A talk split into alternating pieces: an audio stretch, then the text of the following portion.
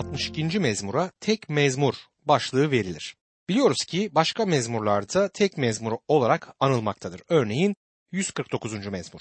Ancak burada kullanılan tek sözcüğünün anlamına bakalım. Birinci ayette gerçek olarak çevrilebilir. Yani tek canım Rabbi bekler ya da gerçek canım Rabbi bekler şeklinde. Tek o benim kayam ve kurtuluşumdur ya da tek onu yere çalmak için aralarında danışıyorlar. Bir başka örneği tek Rabbi bekle, tek o benim kayamdır. Örneklerini görürüz. Başlık olarak bu mezmur için şöyle der. Müzik şefi Yedutun için Davut'un mezmuru. 39. mezmurda Yedutun'a yazılmıştır. Bu adam koro şeflerinden birisiydi. Onun adını mezmurlarda birkaç defa görebiliyoruz. Bu mezmur söylendiğinde orkestraya ve koraya şeflik eden birisidir. Yedutun. Bu çok basit bir mezmurdur. Basit bir imanı dile getirir. Bir çocuğun anne babasına karşı duyduğu basit bir güvenin Tanrı'ya karşı iman kapsamında gösterilebileceğini dile getirir. Browne adında bir yorumcu bu mezmur ile ilgili görüşünü şöyle yazar. Başka hiçbir yerde Tanrı'ya karşı gösterilebilen imanın bu kadar basit bir şekilde ifade edildiğini okuyamayız. İmanın zafere ulaşacağını bu mezmurdan daha iyi ifade eden yoktur. İnsan hayatının zenginliğinin ve gücünün ne kadar boş olduğunun bundan daha iyi bir şekilde sergilendiğini göremiyoruz. Tehlike içinde cesaretin nasıl gösterildiğini, tehlike karşısında sarsılmadan dayanmanın nasıl olduğunu bu mezmur en güzel şekilde ifade etmektedir. Kullanılan sözler Tanrı kutsallığından ödün vermeden sevinçli şekilde dile getirilir. Mezmurun kendi metni bu bilgiyi vermesi de geleneksel yazılardan biliyoruz ki mezmur Davut peygamberin hayatındaki en hayal kırıcı bir olaydan kaynaklandı. Kendi öz oğlu Avşalom babası Davut'a karşı isyan edip onu tahttan indirmeye girişiminden sonra bu mezmur yazıldı. Şimdi tarihsel kaynaklara bakalım. Eski Antlaşma'da 2. Samuel kitabında 15. bölüm 30. ayette şöyle yazar. Davut ağlaya ağlaya Zeytin Dağı'na çıkıyordu. Başı örtülüydü. Yalın ayak yürüyordu. Yanındaki herkesin başı örtülüydü ve ağlayarak dağa çıkıyorlardı.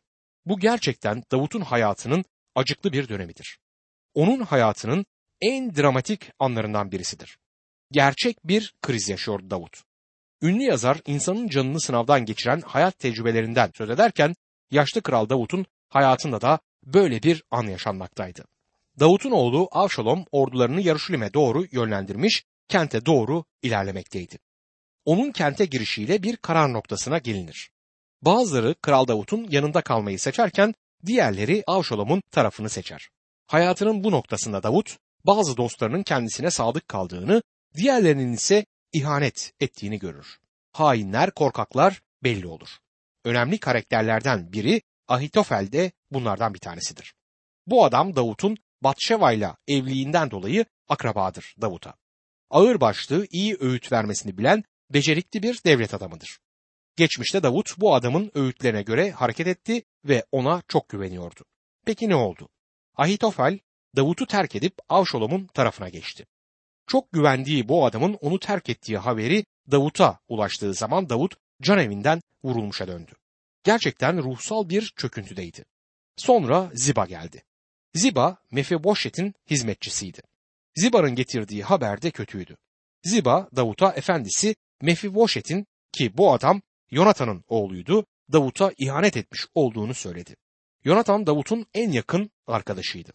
Davut Yarışilim'den ayrıldı, yalın ayak ve gözlerinden yaşlar dökülerek oradan kaçtı. Bütün bunlar yetmiyormuş gibi işte orada eski kral Saul'e karşı hala sadık olan Şimeyi durmuş kral Davut'u taşlamaya başlıyordu. Onu taşlarken ağzından nefretle dolu küfürlerin çıktığını biliyoruz. Bunlar hep Davut'a karşı saldırılardı. Sonra görüyoruz ki Avşalom bir zafer alayıyla Yaruşilim'e girer. Daha önce Kral Davut'u alkışlayan halk şimdi Avşalom'u övmektedir. Onu alkışlıyor, çılgınca yeni kralı Avşalom'u yüceltiyorlardı. Yüzyıllar sonra bu insanların torunları Rab İsa Yaruşilim'e girerken onu alkışlamış ve Hozanna, Hozanna Davut'un oğluna diye onu övmüştü. Ancak birkaç gün sonra İsa Mesih tutuklandığı zaman onu çarmıha ger, onu çarmıha ger diye haykıran bu aynı kalabalıktı. Davut kendisine karşı çıkan, ona hakaret eden, insan kalabalığının sesinin ne kadar iğneleyici olduğunu tecrübe yoluyla biliyordu. 62. mezmur Davut'un o hakaretlere uğradığı anında hissettiği duyguların kağıda dökülmüş ifadesidir. Burada yollarını tümüyle Rabbin eline bırakmış olan bir adamı görürüz. Öyle bir adam ki ruhsal açıdan atmosfer yüksekliğinde bir yörüngede ilerlemektedir. Öyle bir adamdır ki bu fırtınaların üzerinde yükseklere uçar. Hayatında yoğunlaşan streslerden ve şoklardan uzaklaşmış bir adamı görürüz. Bu mezmuru okurken unutmayalım ki hayatının en karanlık noktasında duygularını dile getirir Davut. Ama yine de yazdıkları içinde ne bir hayal kırıklığı, ne korkuyu ima eden bir söz, ne de çaresizlik inleyişleri bulunur. Yüreğinin derinliklerinden yükselen nameler var ama bu namelerde ne acılık ne de nefret hissedilmektedir.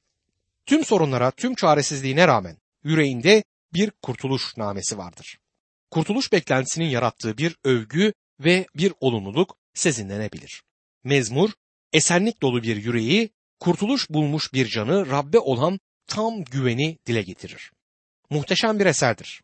Ben bunu anlamıyorum. Davut hayatının en karanlık noktasında bu kadar coşkulu şekilde Rabbe bu övgüleri nasıl sunabiliyordu? 62. mezmur 1. ayette canım yalnız Tanrı'da huzur bulur. Kurtuluşum ondan gelir diyor.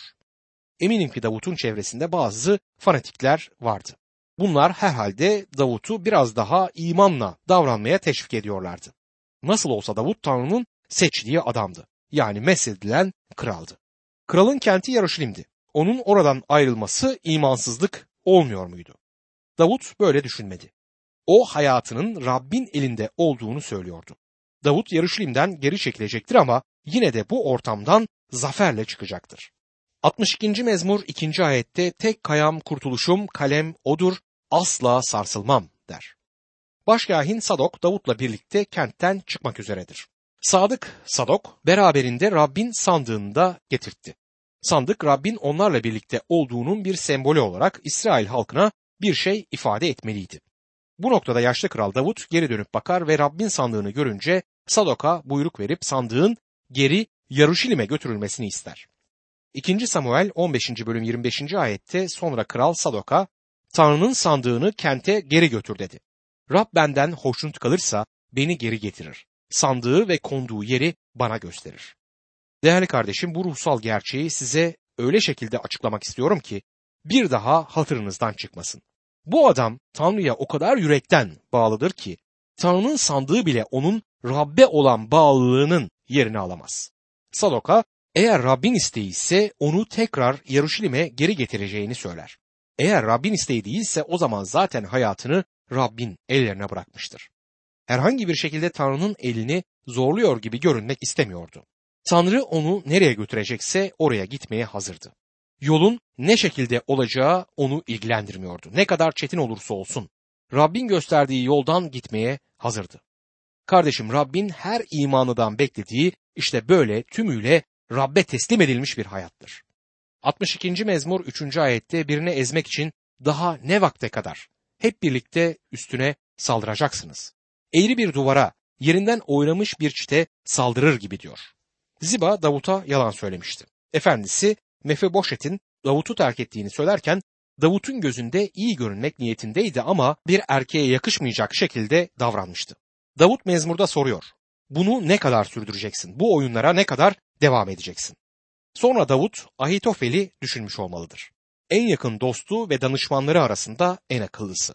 Davut'un en karanlık anında desteğe ihtiyaç duyduğu bir anda Ahitofel diğer tarafa geçmiştir. Bu mezmurda Davut Ahitofel'i düşünürken aynı zamanda peygambersel açıdan ileriye Yahuda İskaryot'un yapacağı kalleşliğe de bakıyordu. Ahitofel en yakın danışmanıydı ve birçok kararında Ahitofel'in vereceği öğütü dinlemişti. Davut bunlar bir sel gibi onun üzerinden aşıp giderken diyor ki yine de Tanrı'nın isteği ise bu durum onu rahatsız etmiyor.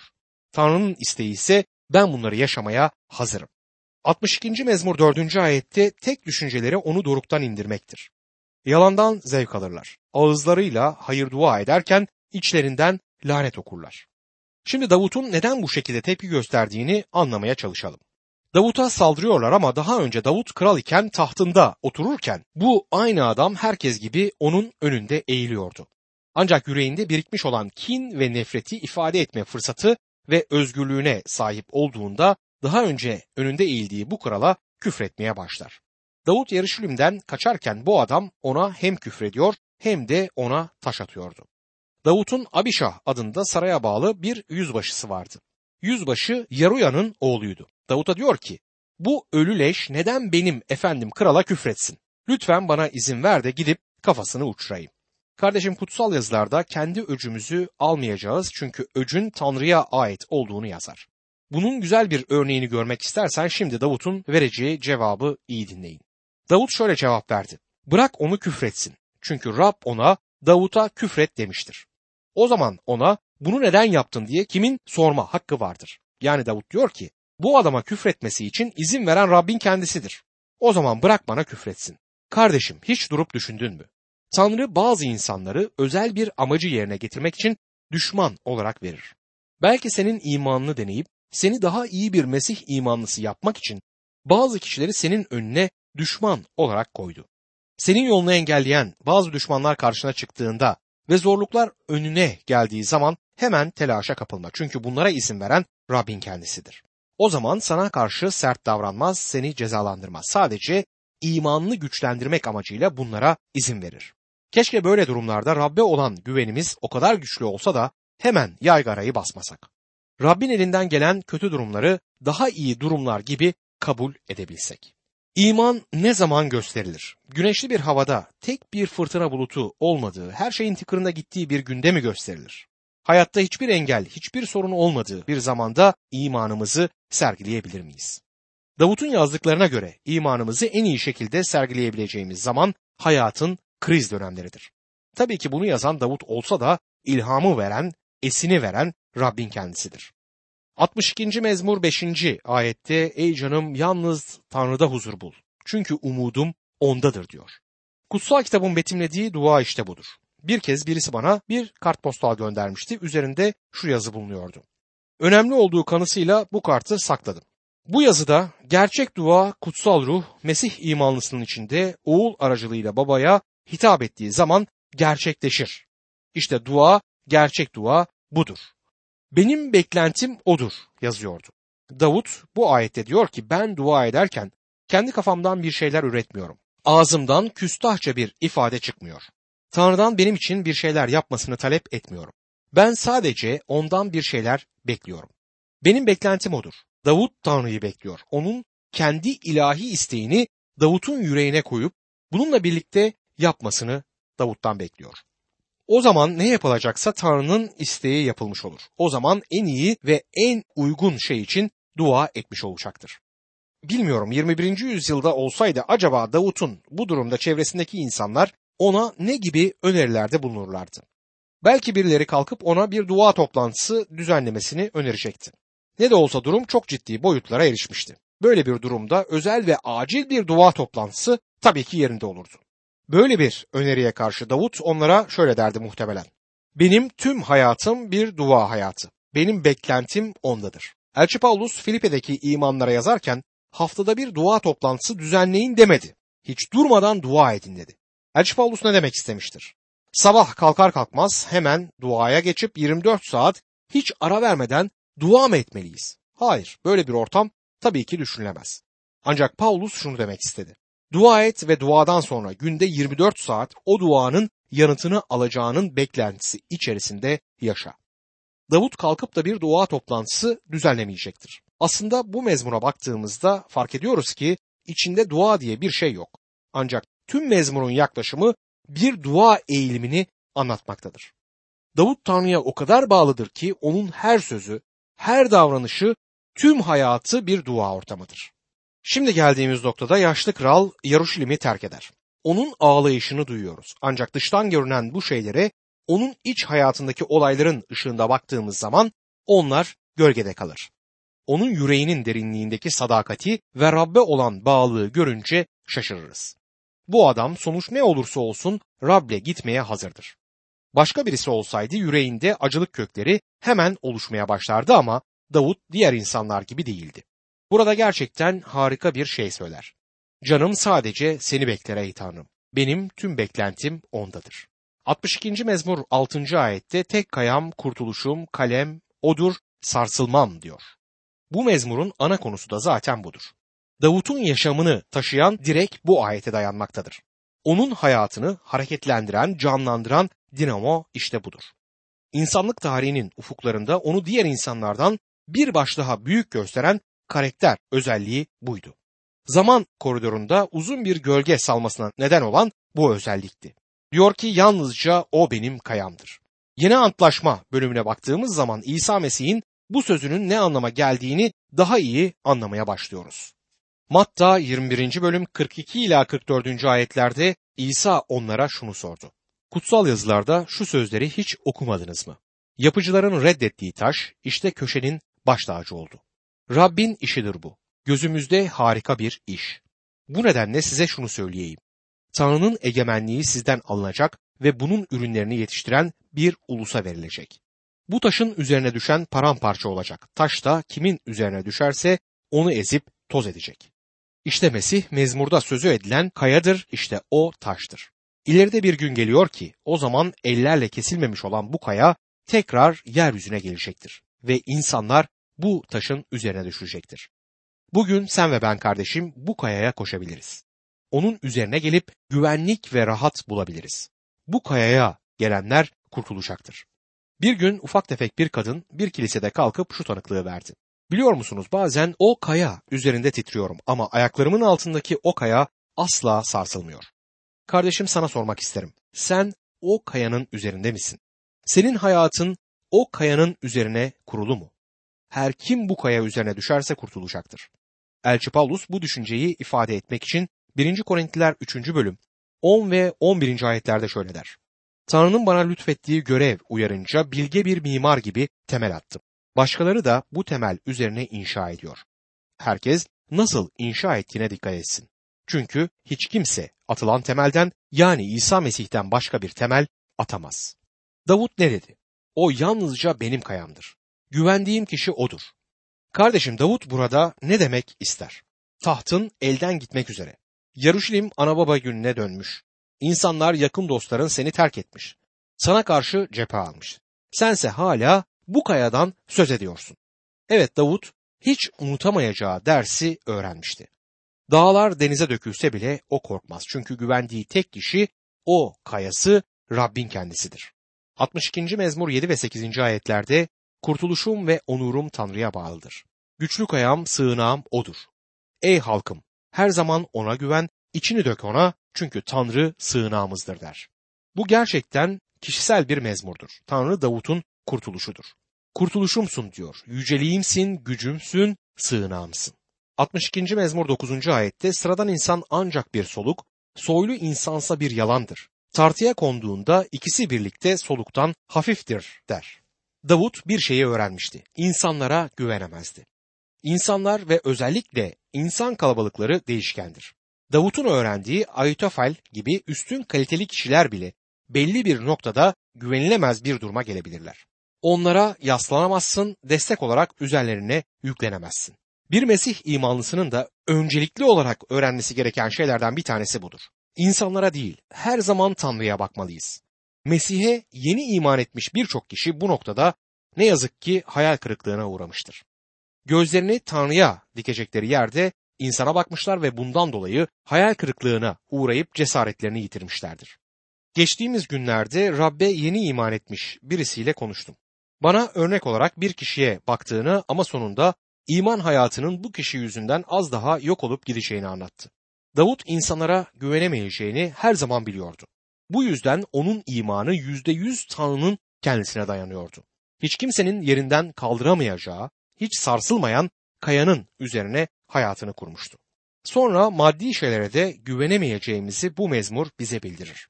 62. mezmur 10. ayette zorbalığa güvenmeyin, yağma malla övünmeyin, varlığınız artsa bile ona gönül bağlamayın der. Şimdi de bağladığı sonucu dinleyelim. Acaba neden sadece Rabbe güvenebiliriz? 62. mezmur 11. ayette Tanrı bir şey söyledi, ben iki şey duydum. Güç Tanrı'nındır diyor. Dostum Tanrı'ya güvenebilirsin çünkü yapılması gereken her ne varsa onu yapabilecek güce Tanrı sahiptir. Tüm güce sahiptir ve yapmak istediği her şeyi yapabilir. Güç Davut'un kendi şahsında değildi. O yüce ve güçlü bir kraldı çünkü Tanrı onu güçlü bir kral yapmıştı. Şimdi ise Tanrı insanların onu Yarışilim'den atmalarına izin veriyordu. Eğer onun Yarışilim'e dönmesi Rabbin isteği değilse dönmeyecekti. Her şeyi Rabbin ellerine teslim eder. Çünkü tüm güce, mutlak güce sahip olan tek kişi odur. Günümüzde dünyamızı yıkımdan yıkıma sürükleyen etken aslında insanların bu üstün gücü elde etmek için verdikleri çılgınca çabadır. Dünyada güç kazanmak için bombalar icat ediliyor. Bugün bunun ne kadar tehlikeli olduğunu gören süper güçler atom gücüne sahip ülkeleri sınırlamaya çalışırlar ama iş işten geçti. Pandora'nın kutusu açıldı ve çıkanları geri kutuya yerleştirmek artık mümkün değil. Davut güce sahip olmak yeterli değildir. Bununla birlikte başka bir etken daha var diyor. 62. mezmur 12. ayette sevgi de senin ya Rab. Çünkü sen herkese yaptığının karşılığını verirsin der. Güce sahipsen bunun yanı sıra merhamet göstermesini de bilmelisin. Davut Tanrısının tam güce sahip olduğunu ama bununla birlikte merhamet göstermesini bildiğini ifade eder. Başkahin Sadok Rabbin sandığını beraberlerinde getirmek isteyince Davut hayır dedi. Onun geri gitmesi için buyruk verdi. Rabbin sandığının kapağı üzerinde merhamet kürsüsü vardır. Sandık geri tapınağa gitmeliydi çünkü orada Rabbin tapınağında kutsalların kutsalında Davut Rabbin merhametini tecrübe edecekti. Eski antlaşmadaki dinsel törenlerin merkezinde Rabbin sandığı ve bunun üzerindeki merhamet kürsüsü bulunurdu. Mesih inancının merkezinde de yine merhamet bulunmaktadır. Merhamet kişiliğe sahip olsaydı sanırım şöyle derdi. Gel ey günahla hırpalanmış her can. Rab'de merhamet bulursun. George Bernard şöyle yazdı. Ben şahsen tüm gücümle o çarmıha sarılacağım. Orada merhamet var. Kardeşim sana bir öneride bulunayım. Bu mezmur çok basit şekilde Rab ile kurulan bu basit ilişkiyi ifade eder. Davut yüreğinde olanları Rabbin önüne döker. Rabbe konuşup der ki, sen benim kurtuluşumsun, sen benim kayağımsın. Birçok insan kilise toplantılarında ya da dua toplantılarında sıkılır. Dua sırasında baskı altında hissedip strese girerler. Duada doğru kelimeleri ve doğru ifadeleri kullanmak için özen gösterirler. Evet diğer imanlarla birlikte dua etmek iyi bir şeydir ama zaman zaman bir kenara çekilip sakin bir yerde Rab ile baş başa kalmaya da çok ihtiyacımız var. O zaman biraz gevşeyip olduğun gibi hiçbir gösterişe güzel ifadeler kullanmaya ihtiyaç duymadan ona baban olarak konuşabilirsin. Hiç kimsenin seni göremediği, nasıl dua ettiğin konusunda seni eleştiremeyeceği bir ortamda onun önünde istersen yere kapanıp yüreğini ona dökebilirsin. Bazen odamda diz çökerek dua ederim. O benim nasıl bir adam olduğumu iyi bilir. Başka türlü davranmaya gerek yok. Benim hayatımın en ince noktalarını, yönlerini bilen kişinin önünde onun merhametine sığınmaktan başka ne yapabilirim ki?